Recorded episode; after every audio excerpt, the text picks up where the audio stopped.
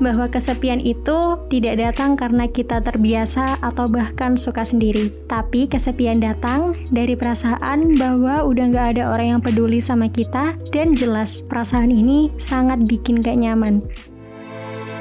Ngobrol dan cerita di anyaman jiwa yuk. Tenang, kamu gak sendiri kok.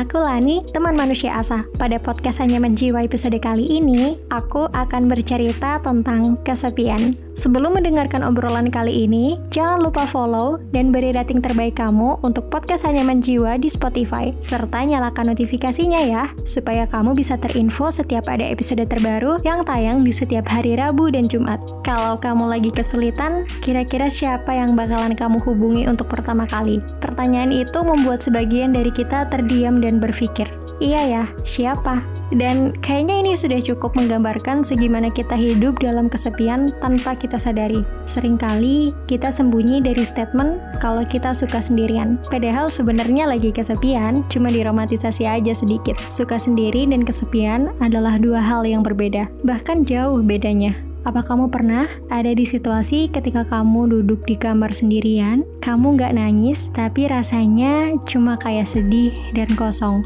Mulai memutar ulang momen-momen dalam hidup, kemudian bertanya-tanya, kapan semua hal menjadi salah dan membuat kamu merasa seperti ini sekarang? Merasa jauh dari orang-orang yang dulunya dekat, merasa hampa, dan bahkan jenis perasaan yang dipunya udah nggak ada rasanya, hambar. Sebagai manusia, kita pernah, sedang, atau akan berada di posisi merasa nggak punya siapa-siapa, merasa diabaikan, merasa ditinggalkan, merasa tersingkirkan, merasa terasingkan, dan semua jenis kata yang mendeskripsikan bahwa kehadiran kita ini nggak berharga. Kok kayaknya orang-orang baik-baik aja ya tanpa aku? Kenapa rasanya aku doang yang peduli sama mereka, tapi mereka biasa aja? Yah, it's a lonely feelings. Loneliness doesn't come from being alone. It comes from feeling that nobody cares about us. Dari sini udah kelihatan kan bedanya? Bahwa kesepian itu tidak datang karena kita terbiasa atau bahkan suka sendiri. Tapi kesepian datang dari perasaan bahwa udah gak ada orang yang peduli sama kita dan jelas perasaan ini sangat bikin gak nyaman. Sedangkan kalau kamu memang suka sendirian, kamu tidak akan merasa demikian. Hal-hal yang kamu jalani meski sendiri akan terasa menyenangkan menyenangkan aja. Kamu juga nggak akan merasa kasihan atas kesendirian kamu. Menurut Gotsky, pada tahun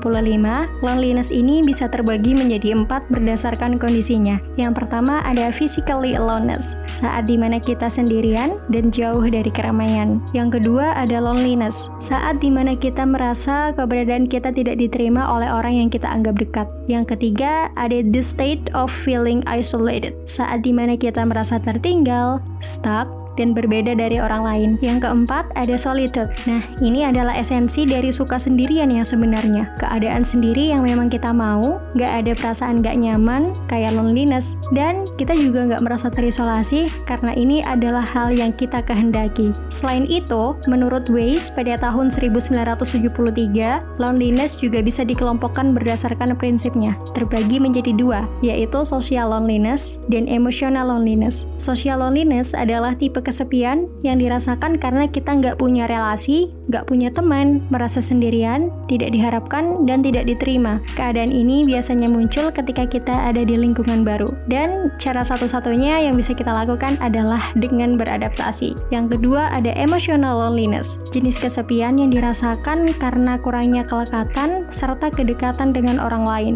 Emotional loneliness juga terbagi menjadi family loneliness dan romantic loneliness. Emotional loneliness ini adalah jenis kesepian yang paling banyak dialami dan terjadi tanpa kita sadari. Jenis perasaannya lebih kompleks serta butuh waktu recovery yang cenderung lama. Kemudian, kalian tahu nggak kalau ternyata loneliness itu menular? Iya, sama kayak virus. Gini penjelasannya. Pasti kita pernah melihat atau dengerin orang yang lagi cerita tentang kesepian yang mereka alami. Dan waktu kita menyimak, kita juga ikut disadarkan dan diingatkan bahwa sebenarnya kita juga sama kesepiannya. Ini bisa terjadi karena kita manusia, by design memang akan lebih mudah terpengaruh oleh emosi negatif. Kita bakal lebih mudah ikut marah marah jika orang lain marah, lebih mudah sedih ketika melihat orang sedih, dan hal ini juga terjadi sama dengan loneliness. Selain itu, loneliness bisa dikatakan menular karena orang-orang kesepian akan cenderung menarik diri dari lingkungan sosial, orang terdekat, dan memilih untuk terus bersama dengan kesendiriannya.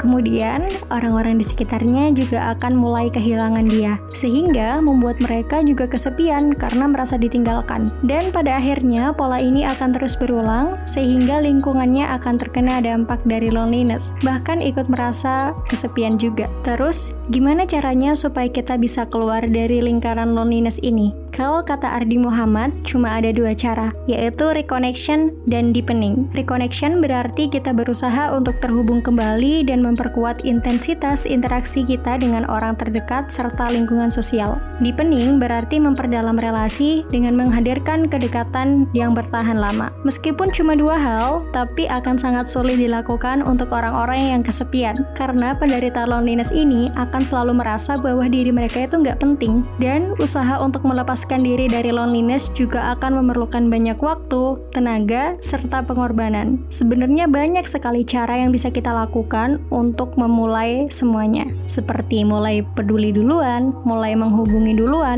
mulai memberikan hadiah duluan, atau mulai memberikan perhatian duluan. Dan aku tahu semuanya akan sangat terasa melelahkan. Tapi, ada satu hal yang sering kita lupa, bahwa ada hal yang bisa kita lakukan untuk mengobati loneliness yang kita punya, yaitu adalah kindness, the act of kindness. Ketika kita bermanfaat buat orang lain, ketika kita bisa memaknai keberadaan kita ternyata memberi dampak positif bagi manusia atau bahkan dunia, ketika kita bisa melihat bahwa dengan adanya kita, beberapa orang menjadi merasa tertolong. Itu bisa sedikit mengatasi perasaan kesepian yang kita punya. Buat kamu yang merasa kesepian, coba kita urai lagi. Apakah kamu memang kesepian atau suka sendirian? Coba kita definisikan dulu loneliness apa yang sedang kita alami. Kemudian, coba untuk terhubung kembali dengan orang-orang yang kita sayang. Kita perdalam lagi hubungan dengan orang-orang terdekat dan mulai untuk melakukan kebaikan sekecil apa pun yang kita mampu. Karena pada dasarnya kita semua akan merasakan kesepian dan yang kita punya adalah diri kita sendiri.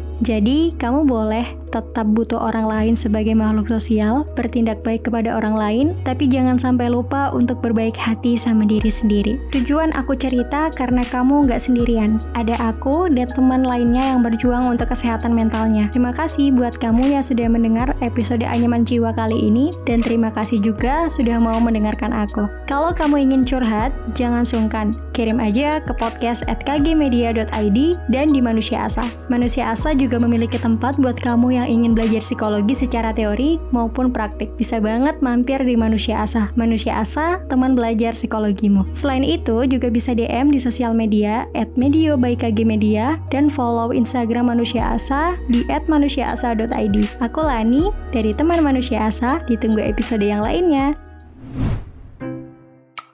Ya, udah selesai episode kali ini. Tungguin episode Anyaman Jiwa selanjutnya ya.